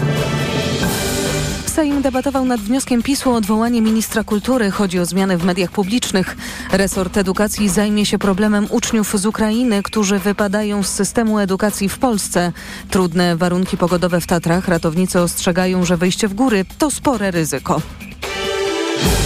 W Sejmie zakończyła się debata nad wnioskiem o odwołanie ministra kultury. Szef klubu PiSu Mariusz Błaszczak zarzucił Bartłomiejowi Sienkiewiczowi łamanie prawa przy wprowadzaniu zmian w mediach publicznych. Sam Sienkiewicz nazwał sytuację w mediach publicznych zarządów PiSu degeneracją. W jego obronie stanął także premier Donald Tusk. Pułkownik Sienkiewicz podejmował swoje działania na podstawie uchwały sejmowej, gdyż w państwie Tuska są to najwyższe akty prawa. Nikt nigdy w przyszłości nie może godzić się w Polsce na podobny stan etycznej degeneracji i bezprawia, jakim stały się media publiczne. Ja nie jestem upoważniony, żeby powtarzać to, co pan prezydent w rozmowie ze mną w cztery oczy mówił na temat mediów Jacka Kurskiego i Jarosława Kaczyńskiego, ale możecie być państwo pewni, że także w obozie PiSu z najwyższymi urzędnikami państwowymi włącznie ludzie wstydzą się tego, co działo się w mediach publicznych zapisu i mają powód się wstydzić, że nigdy w czasie rządów PiSu głośno nie powiedzieli, co tam się działo. Głosowanie nad wnioskiem PiSu o odwołanie Sienkiewicza odbędzie się wieczorem. Wszystko wskazuje na to, że wniosek przepadnie, bo głosowanie przeciw zapowiedziały wszystkie partie koalicji rządzącej.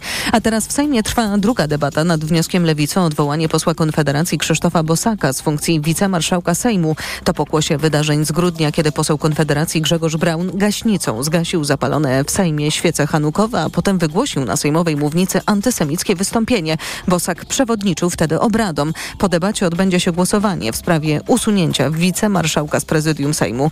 W Sejmowym Studiu TOK FM jest nasz reporter Maciej Kluczka. Dzień dobry. Macieju, czy Sejm obroni posła Bosaka? Wynik głosowania trudno przewidzieć, bo choć i koalicja rządząca, i klub PiSu potępiają zarówno antysemickie zachowanie Brauna, jak i mało rygorystyczną reakcję władz jego partii. Przypomnę, Braun został jedynie zawieszony w, człon, w prawach członka klubu Konfederacji. To pojawiają się głosy, że prezydium Sejmu powinno mieć miejsce dla opozycji, także dla Konfederacji. Mówiła tak posłanka Polski 2050 Barbara Oliwiecka. Zależało nam i nadal nam zależy, żeby w prezydium Sejmu zasiadali przedstawiciele wszystkich klubów parlamentarnych. To jest ważne z punktu widzenia organizacji pracy w Sejmie, ale również zakopywania tych drastycznych podziałów. Ale są też i argumenty za tym, że po tak skandalicznym incydencie miejsca w prezydium Sejmu dla posła Bosaka być nie powinno. Taki był wyraz przemówienia posła Koalicji Obywatelskiej Pawła Kowala. Obowiązkiem polityka jest przede wszystkim powiedzieć nie, wyciągnąć konsekwencje i dać jasny sygnał, że się na to nie zgadzamy. I w tym sensie jest to także debata nad politycznym sumieniem Krzysztofa Bosaka. I w dzisiejszym głosowaniu my to będziemy oceniali. A także dziś Sejm ma zdecydować o odebraniu poselskiego immunitetu Grzegorzowi Braunowi, a wtedy poniesie on nie tylko polityczną, ale i prawną, karną odpowiedzialność za swój czyn przeciwko wolności religijnej. To był Maciej Kluczka, a my do tego tematu będziemy wracać w kolejnych informacjach TOK FM. Słuchasz informacji TOK FM. Ministerstwo Edukacji zapowiada, że zajmie się problemem ukraińskich dzieci, które wypadają z systemu edukacji. W polskich szkołach uczy się około 185 tysięcy uczniów z Ukrainy. Niemal drugie tyle jest poza polskim systemem, teoretycznie ucząc się online w szkołach ukraińskich. Centrum Edukacji Obywatelskiej od miesięcy alarmuje jednak, że część najprawdopodobniej nie uczy się wcale. Krzysztof Horwat. Taka próżnia edukacyjna jest dla uczniów niebezpieczna, mówi prezes Centrum Edukacji Obywatelskiej dr Jędrzej Witkowski. Po pierwsze nie mogą zrealizować swoich aspiracji edukacyjnych ani zawodowych, nie integrują się z polskim społeczeństwem, nie uczą się języka polskiego, nie znajdą w związku z tym takiej pracy, która ich satysfakcjonuje. No a to jest już receptą na alienację społeczną, alienację polityczną, no a potem tarcia społeczne, które się na tym tle pojawiają. Według eksperta trzeba wciągnąć do systemu jak najwięcej dzieci i zaproponować realne, merytoryczne wsparcie szkołom w integracji uczniów. Wiceministra edukacji Joanna Mucha zapewnia, że resort zajmie się sprawą. Natychmiast musimy podjąć działania, żeby znaleźć te dzieci, żeby zaoferować im dobrą edukację. Resort nie wyklucza zmian przepisów. Nie wiadomo, czy w grę wchodziłoby objęcie obowiązkiem szkolnym wszystkich dzieci. To wymagałoby uzgodnień ze stroną ukraińską. Krzysztof Chorwat, TOK FM. Niemcy zmagają się z mrozami. Obfite opady śniegu i zamarzającego deszczu doprowadziły do wielu utrudnień w centralnej i południowej części kraju. Lufthansa odwołała wiele lotów z Monachium i Frankfurtu. Duże problemy ma także kolej. W niektórych rejonach zamknięto szkoły. Także w Polsce trzyma mróz. Bardzo trudne warunki panują w Tatrach. Powyżej 1700 metrów obowiązuje trzeci stopień zagrożenia lawinowego, nieco niżej drugi. Dodatkowo bardzo mocno wieje, wieje, dlatego każde wyjście w góry jest teraz bardzo ryzykowne, mówi przewodnik tatrzański Tomasz Zając. Szlaki na bieżąco są zasypywane, nawet jeżeli ktoś już przeszedł, był ślad, to momentalnie ten ślad niknie ze względu właśnie na silny wiatr. Śnieg też jest przenoszony, trzeba bardzo dobrze się orientować. Warunki w górach mają poprawić się w weekend. Kolejne informacje w TOK FM o 16.20. Pogoda. Wieczorem miejscami popada śnieg, a na południu Polski także deszcz ze śniegiem. Później marznący deszcz na termometrach od minus 5 stopni na północnym wschodzie, około minus 1 w centrum, do 1 stopnia na południowym zachodzie kraju. Radio TOK FM. Pierwsze radio informacyjne. Światopodgląd. Agnieszka Lichnerowicz. W Światopodglądzie łączymy się teraz z Kamilą Drzewiecką, prawniczką z Fundacji Client Earth Prawnicy dla Ziemi. Dzień dobry. Dzień dobry. Będziemy, mamy chyba dobre wiadomości, trzeba to podkreślać i cieszyć się i doceniać, gdy takie mamy, a to dlatego, że Parlament Europejski zatwierdził dziś dyrektywę już na finiszu, zatem są prace nad nowymi przepisami unijnymi, które mają ograniczyć, no tutaj w oficjalnym komunikacie mam napisane zakazać, ale nie wiem, czy to możliwe, zakazać w każdym razie ekościemy i ograniczyć zwodnicze informacje o e, produktach. Moja teza, że jest to informacja dobra i ważna, dlatego że e, było badanie Komisji e, Europejskiej, z którego wynikało, że ponad połowa tych obietnic ekologicznych na różnych produktach była bardzo wprowadzająca w błąd, bezpodstawna albo taka niejasno sformułowana.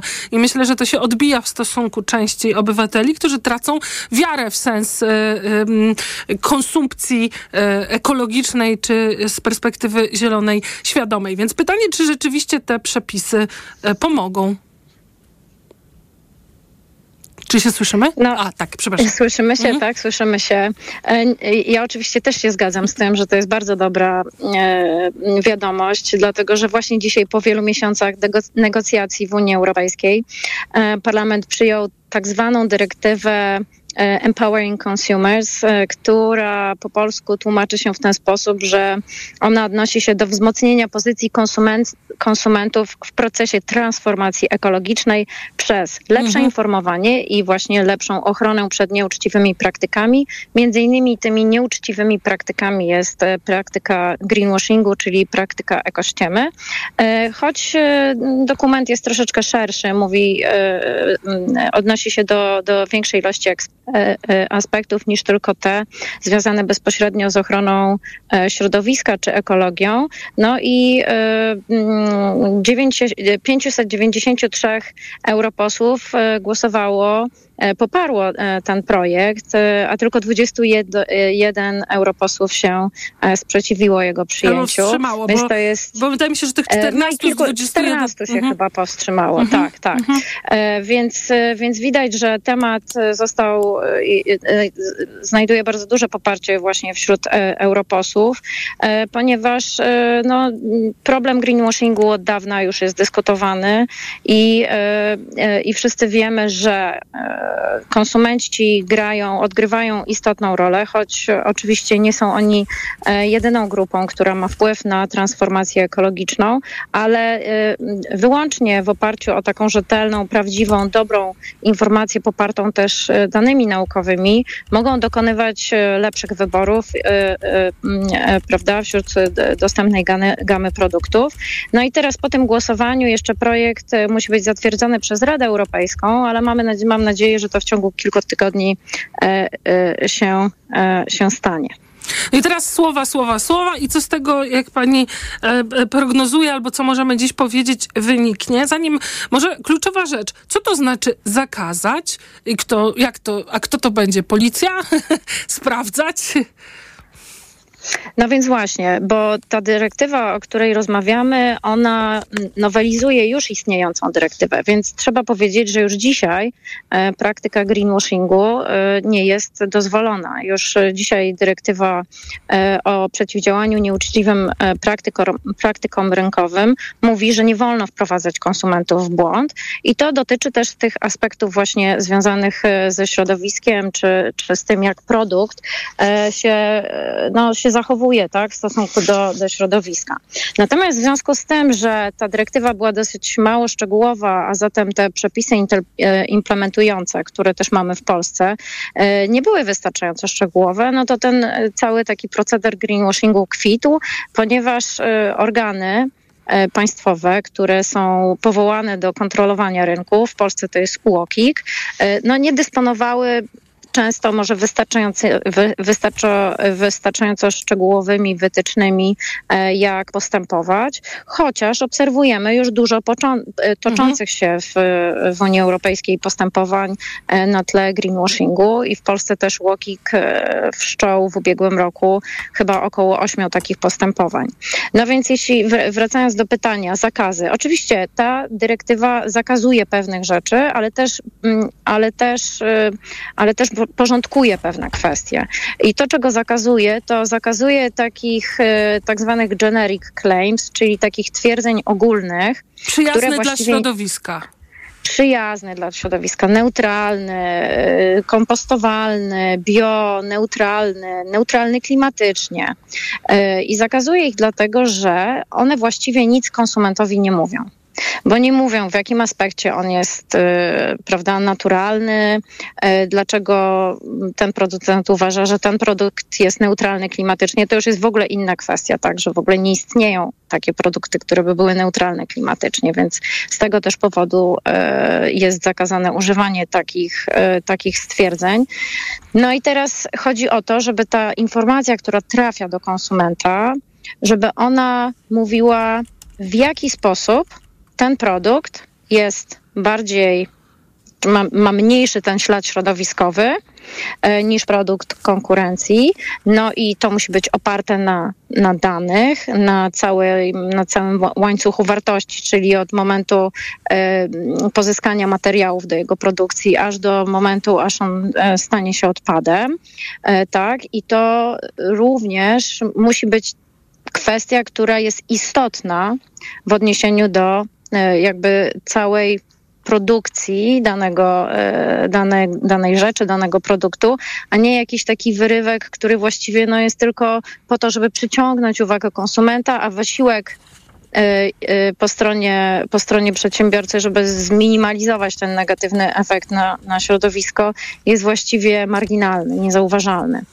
Także no, dużo różnych zmian. Rozumiem, jakieś systemy certyfikacyjne i tak dalej.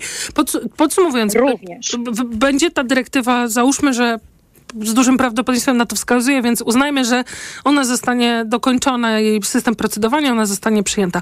Potem pytanie, jak rozumiem, jak to prawo będzie implementowane i kiedy, bo mamy nie jedną dyrektywę w Polsce, co czekamy um, rok, czy dwa, czy trzy czasem, więc zależy od tego, jak będzie implementowana i potem zależy od takiego łukiku, jak rozumiem. Podsumowując, czy wydaje się pani, że ona coś zmieni?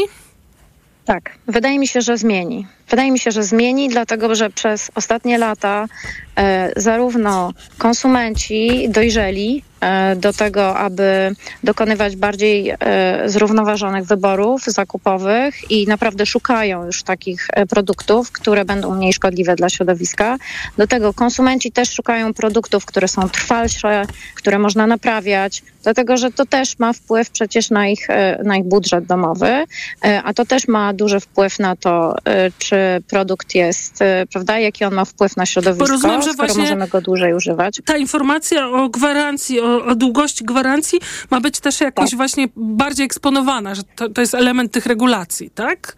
Dokładnie tak, dlatego że dzisiaj no, nie wszyscy mają taką wiedzę y, odnośnie rękojmi czy właśnie gwarancji. No więc y, tutaj producent ma obowiązek i w ogóle przedsiębiorca ma obowiązek y, trafiać ba bardziej y, do klienta z taką informacją, a w sytuacji, w której na przykład no, nie ma możliwości zaprezentowania takiej informacji na produkcie, bo nie ma takiej etykiety albo jakieś opakowanie temu nie sprzyja, no to wtedy punkty sprzedaży sprzedaży mają też e, obowiązek mhm. E, takiej informacji udzielać i też ją e, pokazywać, wizualizować, tak żeby, tak, tak żeby każdy konsument miał świadomość, jakie prawa mu przysługują właśnie w związku z gwarancją, wymianą i z tym, że no, stawia, Unia Europejska teraz stawia na produkty trwałe to dlaczego to tak długo trwało? Poza tym, że ta procedura demokratyczna w, w Unii jest e, wieloetapowa, po to, żeby. Ale chodzi mi o to, czy tu był jakiś silny lobbying. No, wydaje się, że to są takie rzeczy właśnie niebudzące kontrowersji. To jest uczciwa konkurencja ty, ci, dla tych, którzy naprawdę w to inwestują. Wydaje mi się to bardzo ważne dla konsumentów. Mam, no to jest anegdotyczne, ale poczucie, że wielu zwątpiło, czy jest sens, bo nie wierzą już w te oznakowania. Więc dlaczego dopiero teraz to mamy? Znaczy, wydaje mi się, że sam proces y, taki już jakby tworzenia prawa mhm. jest w miarę no, jakoś nie odbiega od normy. E, jak już mhm. decyzja zapadła, żeby te kwestie uregulować, to, mm, to ten proces legislacyjny był powiedzmy standard, dosyć standardowy.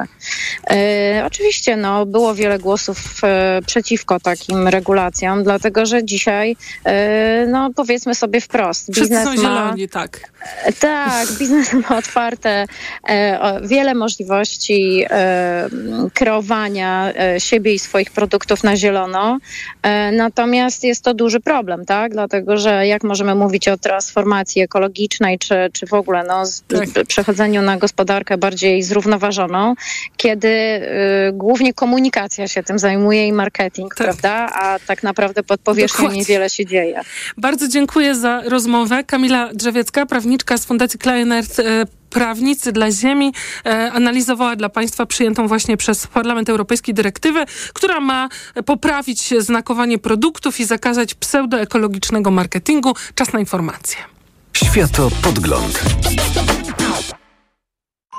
Autopromocja. Nie ma ludzi idealnych i nie ma idealnych związków, ale zawsze można znaleźć rozwiązanie. Tych najlepszych szukam razem z ekspertami, psychologami, terapeutami. Rozmawiamy o problemach i dylematach w związkach i relacjach, o których słuchaczki i słuchacze piszą do mnie w listach miłosnych.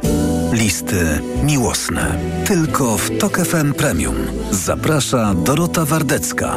Posłuchaj na tokefm.pl ukośnik listy lub w aplikacji mobilnej Tok FM. Autopromocja. Reklama. Cześć, teraz nie mogę rozmawiać, bo smacznie śpię. Wieczorem biorę suplement diety Valerin Sen. Tabletki ułatwiają mi zasypianie i wspomagają spokojny sen bez wybudzeń przez całą noc. Wyciąg z ziela melisy wspomaga odprężenie. Wyciąg z szyszek chmielu wspiera utrzymanie zdrowego snu. Valerin Sen. Zdrowa dawka snu. Aflofarm. Nowej polityce. Miny Dudy. Prezydent zastawia pułapki i sam w nie wpada. A także nerwowy okres przejściowy. Ile piją Polacy? Co może poseł? Mężczyźni w koronkach. Kiedy dzieci dziedziczą długi. Oraz laureaci paszportów polityki 2023. Polityka w kioskach i na polityka.pl.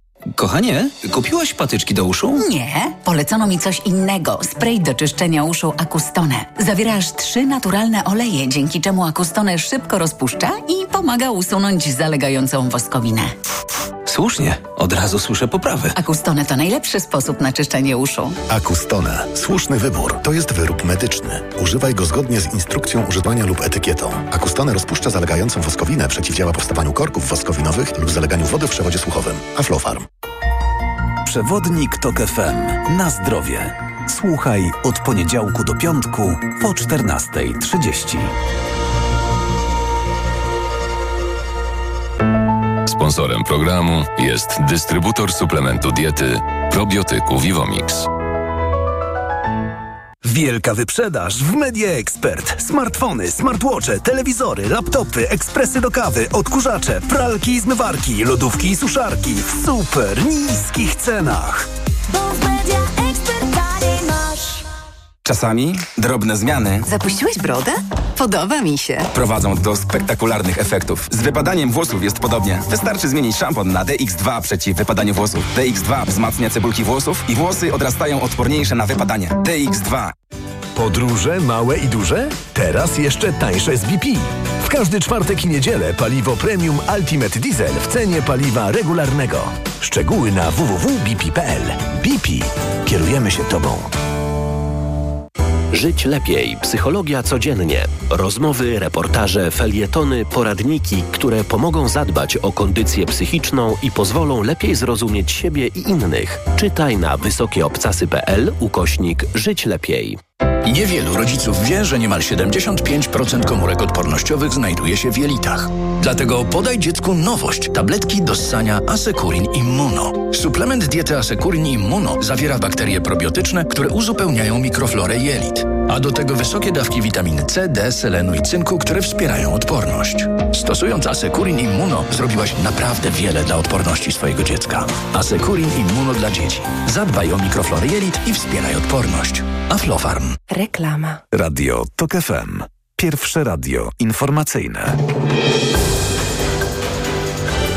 Informacje TOK FM. Minęła 16.20. Anna Draganek-Weiss, zapraszam. Sejm ma głosować wkrótce nad wnioskiem PiSu o wotum nieufności dla ministra kultury. Opozycja zarzuca Bartłomiejowi Sienkiewiczowi łamanie prawa czy przy wprowadzaniu zmian w mediach publicznych, a także tchórzostwo. Jak argumentował szef klubu PiSu Mariusz Błaszczak, Sienkiewicz nie pojawił się na posiedzeniu Komisji Kultury, która opiniowała wcześniej wniosek o wotum nieufności. Pan jest tchórzem, panie pułkowniku służb specjalnych Sienkiewicz. Przez niemal miesiąc nie znalazł pan w sobie odwagi, by wytłumaczyć Polakom, dlaczego media publiczne przerwały nadawanie. Pułkownik Sienkiewicz podejmował swoje działania na podstawie uchwały sejmowej, gdyż w państwie Tuska są to najwyższe akty prawa. Zagłosujemy przeciw, ponieważ absolutnie nie zgadzamy się z uzasadnieniem. Media publiczne w czasie rządów PiSu zostały przez te partie sprywatyzowane, upartyjnione w skali, którą można porównywać do propagandy perelowskiej z czarnych dni stanu wojennego. Bywały dni, w których nazwisko Tusk pojawiało się w wiadomościach 20-30 razy w ciągu dnia. Oczywiście w negatywnym kontekście. Tego bronicie i o powrocie tej właśnie propagandy marzycie. Na wniosek PiSu odpowiadali Michał Kobosko z Polski 2050 i Zbigniew Konwiński z Koalicji Obywatelskiej. Sienkiewicz tłumaczył, że jego działanie wynika ze stanu wyższej konieczności, bo tu cytat, nikt nie może godzić się na stan degeneracji i bezprawia, do którego doprowadzono media publiczne, a premier Donald Tusk stwierdził w trakcie debaty, że nikt lepiej nie broni ministra Sienkiewicza, jak jego działania.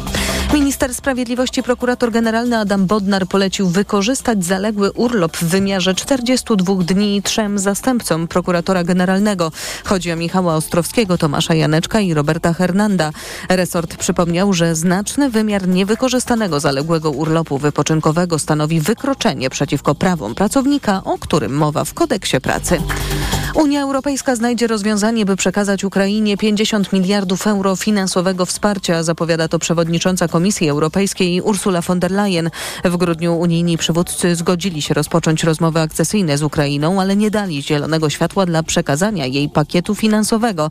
1 lutego w Brukseli ma się odbyć specjalny szczyt Unii, na którym ma zostać podjęta próba znalezienia kompromisu w tej sprawie. Słuchasz informacji TOK FM. Drogi i ulice w wielu miejscach mogą być śliskie. Synoptycy ostrzegają przed gołoledzią w 11 województwach. Alerty pierwszego stopnia związane z marznącymi opadami dotyczą praktycznie całej południowej części Polski.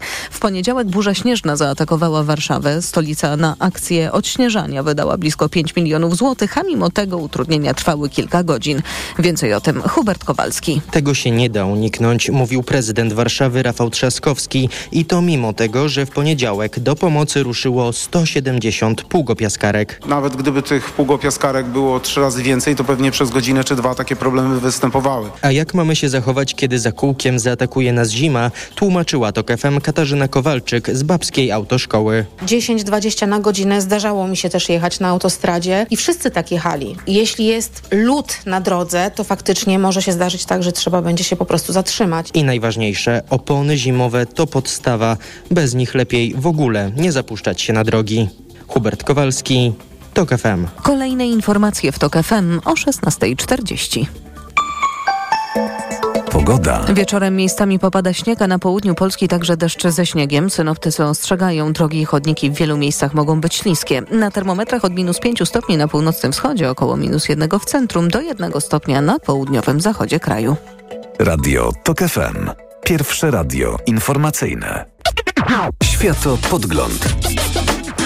Agnieszka Lichnerowicz, szefowa Światowej Organizacji Handlu Ngozi Okonjo-Iweala, mówiła dziś w Davos na spędzie bogatych i wpływowych tego świata, że jest mniej optymistyczna, jeżeli chodzi o kondycję handlu światowego w tym roku. Wskazała oczywiście sytuację na Morzu Czerwonym, gdzie Houthi solidaryzując się z ostrzeliwanymi, bombardowanymi Palestyńczykami atakują statki handlowe i zwróciła właśnie uwagę na te geopolityczne okoliczności, które czynią jej perspektywę mniej optymistyczną. Coraz więcej mówi się o tym, że takiego, takich, tego rodzaju problemów może być na świecie coraz więcej, bo kruszeje tak zwana Pax Americana. I właśnie trochę o tym będziemy teraz rozmawiać z profesorem Łukaszem Federkiem. Dzień dobry. Dzień dobry. Doktor habilitowany Łukasz Federek jest dyrektorem Instytutu Bliskiego i Dalekiego Wschodu na Uniwersytecie Jagiellońskim. A więc właśnie, czy to jest rzeczywiście już taki moment, w którym możemy mówić o tym, że coraz niebezpieczniej będzie na szlakach handlowych? No bo ten policjant amerykański, który również w swoim, czy przede wszystkim w swoim interesie zabezpieczał swoją potężną siłą militarną bezpieczeństwo tych szlaków handlowych, po prostu słabną. No słabnie, tak, relatywnie słabnie, przy czym tak zastanawiam się, czy tak bardzo w swoim interesie w tym przypadku, bo gdy spojrzymy na mapę światowego handlu, to, to jest interes przede wszystkim Europy i mhm. Azji, żeby akurat ten szlak zabezpieczyć. Oczywiście z punktu widzenia Stanów Zjednoczonych to jest szlak istotny w relacjach przede wszystkim indyjsko-amerykańskich, bo skraca drogę z Bombaju do wschodniego, na wschodnie wybrzeże Stanów Zjednoczonych o około 2000 mil morskich. Natomiast e, no, tu najważniejszymi e, zainteresowanymi e, drożnością szlaku przez Morze Czerwone są po pierwsze Europejczycy, po drugie Chińczycy, no a po trzecie Egipcjanie i, i inne kraje arabskie. Więc to jest nadzwyczaj interesujące, że rzeczywiście uderzenia wykonuje ten globalny policjant, czyli Stany Zjednoczone przy wsparciu swojego e, najbliższego sojusznika, czyli Wielkiej Brytanii, e, które nawiasem mówiąc, która to Wielka Brytania ma bardzo długie tradycje e, w zapewnianiu jakby swobody żeglugi w tym obszarze. Mhm. I kolonizacji, ale też zapewnienia swobody żeglugi w tym obszarze. Mhm. Przeczytałem, że premier Sunak jest dziewiątym premierem Wielkiej Brytanii, który e, zaakceptował uderzenia lotnicze na terenie Jemenu. Więc wow. ta historia nawet od momentu ufundowania Royal Air Force w 1918 roku, nawet jeżeli to tak rozpatrujemy mhm. w, w, tej, w tej bliskiej perspektywie. Więc jest tam sporo historii e, w tym, w tym kontekście. E, więc, ale zanim do, do, do Jemenu, to ten jeszcze taki rzut oka z, z perspektywy szerokiej, prawda? Tak. Więc, więc jest to uderzające, że rzeczywiście rzeczywiście mm, istnieją takie narracje i takie przekonania, że Stany Zjednoczone tam były, będą i to jest w interesie Stanów Zjednoczonych, globalnego policjanta, żeby panował, e, panował e, spokój na morzach. E, tak jeszcze się może nam wszystkim wydawać, ale wystarczy, że dojdzie do zmiany lokatora w Białym Domu. Sąd w, w, w, na izolacjonistycznego Trumpa na przykład, tak jak jest to dość prawdopodobne, to zapewniam, że tak. scenariusz będzie inny prawda? To znaczy e, Stany Zjednoczone powiedzą, no to nie jest dla nas istotny szlak handlowy. E, radźcie sobie e, sami. I to będzie bardzo interesujący moment w, w historii, bo rzeczywiście być może takie, takie postawienie sprawy jest potrzebne Bliskiemu Wschodowi, Azji i Europie. I jest to być może ten element tego, tej, tej, tej erozji Pax Americana, która nie zniknie, ale w której e, no, bardzo wielu komentatorów, i to niekoniecznie związanych z, z Trumpem, ale, ale z różnymi stronami sceny politycznej, mówi, że no, Stany Zjednoczone na Bliskim Wschodzie są na zasadzie pewnego autopilota, że bardzo, nadal bardzo dużo wkładają w ten region, nie uzyskując absolutnie nic dla swoich interesów bezpieczeństwa, inwestują potężne środki, czy to finansowe, we wspieranie swoich dwóch głównych sojuszników, czyli Izraela i Arabii Saudyjskiej, e, nie otrzymując e, za to właściwie nic. I, e, I to, że mówi się od czasów Obamy o tym zwrocie ku Azji, no, może się też uwidocznić, nie za tej administracji, ale, ale już za kolejnej, tym, że, że Stany Zjednoczone rzeczywiście powiedzą, no to Okej, okay, to, to w takim razie my tutaj zmniejszamy swoją, swoją obecność. E, no i to jest jeszcze taki może, może ostatnia uwaga w, w, w kontekście tej roli Stanów Zjednoczonych, że paradoksalnie ta, taka związana z moją ostatnią podróżą bliskowschodnią, e, nieoczywista może uwaga, że e, miałem wrażenie w toku moich rozmów, że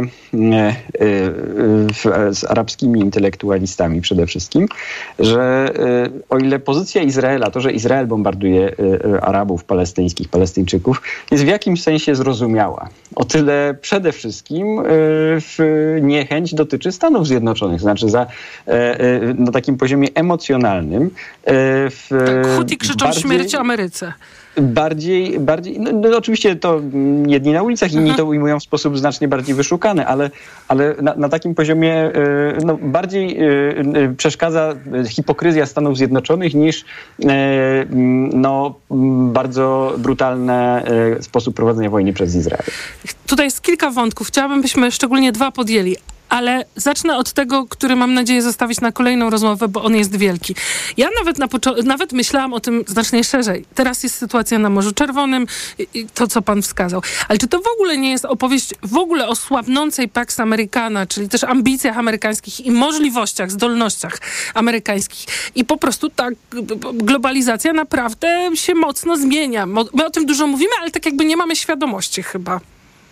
No, tak, globalizacja się zmienia. No, zmienia się relatywna siła, relaty, znaczy ta relatywna siła Stanów Zjednoczonych słabnie to jest wyświechtane, e, choć nie, nie słabnie w, w, w, kategoriach bezwzględnych, bo Stany Zjednoczone zachowują ten stały poziom projekcji siły, mają nadal bardzo, bardzo to, to, to, jest, to jest tu konstans.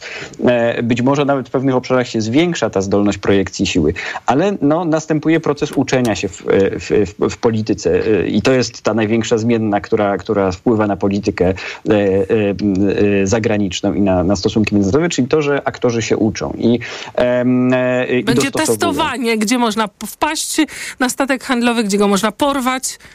No, to, to na takim poziomie operacyjnym czy taktycznym, ale na poziomie strategicznym jasnym jest, że Stany Zjednoczone mogą uderzyć lotniczo. I mogą to zrobić skutecznie, tak ale równie teraz. jasnym jest dla wszystkich, że nie podejmą y, się zmiany y, reżimu Houthi, że nie doprowadzą do y, obecności żołnierzy na, w Jemenie swoich na szeroką skalę i nie, nie zagrożą egzystencjalnie temu reżimowi. Prawda? I to daje, bo, bo, bo nikt nie chce drugiego Afganistanu czy Iraku, bo nikogo, nikt na to nie ma mm. apetytu. Ani w Stanach Zjednoczonych, ani nigdzie indziej, bo ani w regionie ani no, w, w Azji Wschodniej nikt nie będzie w, dążył do, nikt nie będzie e, wykonywał e, operacji zniszczenia takiego reżimu. I to wszyscy wiedzą w tym momencie, tak? A, a, a to, że nie będą to Amerykanie, wiemy to po Afganistanie i po Iraku, a to, że nie będą to mocarstwa regionalne, bo często przedstawia się, że teraz mm, wchodzimy w fazę takiej sytuacji, gdzie będzie znacznie większa rola dla, dla mocarstw regionalnych. I to jest do pewnego stopnia prawda, ale nie w przypadku znowu, gdy mamy mm, e, takie, taką sytuację do rozwiązania jak tutaj, czyli sytuację, w której e, realne zagrożenie Hutim to byłoby realne zagrożenie interwencją przeciwko nim. No ale to jest Jemen, to jest cmentarzysko imperiów. Tak. Zazwyczaj tak się mówiło o, o, o, Afganistanie, ale w Jemenie w XX wieku próbowały regionalne mocarstwa interweniować, e, to znaczy były to, była to Turcja w roku 1911, czy Imperium Osmańskie jeszcze, z bardzo złym skutkiem i był to Egipt w latach 50. i 60. z bardzo złym skutkiem, a ostatnio w, w, na mniejszą skalę, ale próbowała tam interweniować Arabia Saudyjska również bezskutecznie. I to oczywiście e, będzie wpływało na cenę produktów, które z lekkością teraz z drugiego końca świata e, e, ściągamy, ale chciałabym w takim razie jeszcze tylko na dwie ostatnie minuty dopytać.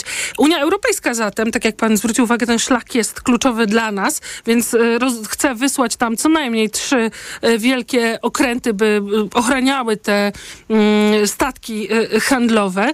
To jest taka koalicja chętnych. Na ile Unia ma zdolności, żeby trochę zastąpić Amerykanów? I w jakimś stopniu ma, ma, ma zdolności. To jest powrót do debaty też u nas, bo jako ważne państwo Unii Europejskiej, gdzie jest nasza marynarka wojenna, która w tym momencie nie jest zdolna do nawet koncepcyjnego podjęcia takiej misji, czy udziału w takiej misji, ale być może będzie za kilka lat, jeżeli uda się zrealizować budowę, program budowy y, w, w fregat wielozadaniowych. E, to jest, to jest pytanie też o to, gdzie my jesteśmy, prawda? Gdzie, jest, gdzie jesteśmy my jako Europa i Polska jako mm. ważny Y, członek Unii Europejskiej. Jak widzimy swoją rolę w y, jakby przejmowaniu y, odpowiedzialności za tą część globalizacji, którą, jak pani redaktor słusznie wspomniała, możemy obserwować w postaci mm, cen produktów dostarczanych do naszych do Pewnie naszych tak domów. dobrze już nie będzie. Chodzi mi o to, że to też złudzenie było, że tak to może trwać, że można sobie zamówić paczuszkę z Chin. E, no tego nie wiem. To, to jest temat na, to, to, do, do, zważenia argumentów, e, tak. co, co nas może zdarzyć na tej, na tej ścieżce. To jest, to jest temat na, na obszerną e, I mam nadzieję, że się na nią wstępnie umawiamy, to znaczy na rozmowę właśnie o tych zmianach globalizacyjnych, bo są tacy, którzy mówią, że niedługo państwa będą miały swoje floty pirackie, niemalże, bo będzie takie bezprawie na szlakach handlowych, co wydaje się przesadą, ale, ale mam nadzieję, panie profesorze, y, że będziemy mieć okazję porozmawiać o tym szerzej e, i dłużej. Dziś bardzo dziękuję za rozmowę. Insza Allah, dziękuję również. właśnie.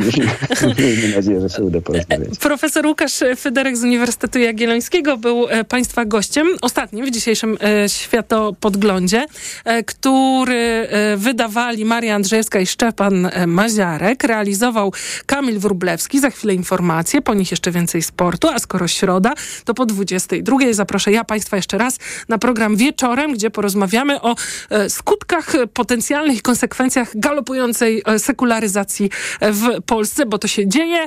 Badacze mówią, że jesteśmy w megatrendzie, rzecz nie do zatrzymania. Niektórzy straszą strasznymi brakiem moralności czy konsumpcjonizmem, więc będziemy rozmawiać o doświadczeniach innych państw i o tym, co rzeczywiście może oznaczać ta sekularyzacja, ta zmiana dla polskiego społeczeństwa. Po 22 Katarzyna Tubilewicz, profesor Michał Kozłowski będą Państwa gośćmi. Światopodgląd. Autopromocja. Dołącz do Tok FM Premium. Teraz 40% taniej. Wybierz te audycje Tok FM, które Cię interesują. Słuchaj swoich ulubionych programów zawsze, gdy masz na to czas i ochotę. W pakiecie otrzymasz dostęp do nagradzanych seriali reporterskich oraz produkcji specjalnych Tok FM, dostępnych wyłącznie w internecie. Słuchaj tak jak lubisz, wygodnie i bez reklam. Tok FM Premium. Więcej niż radio. Teraz 40% taniej. Szczegóły oferty znajdziesz na tokefm.pl. Autopromocja. Reklama. RTV Euro AGD. Uwaga! Tylko do jutra. Zimowe super okazje. Wybrane produkty w super cenach. OLED 65 cali.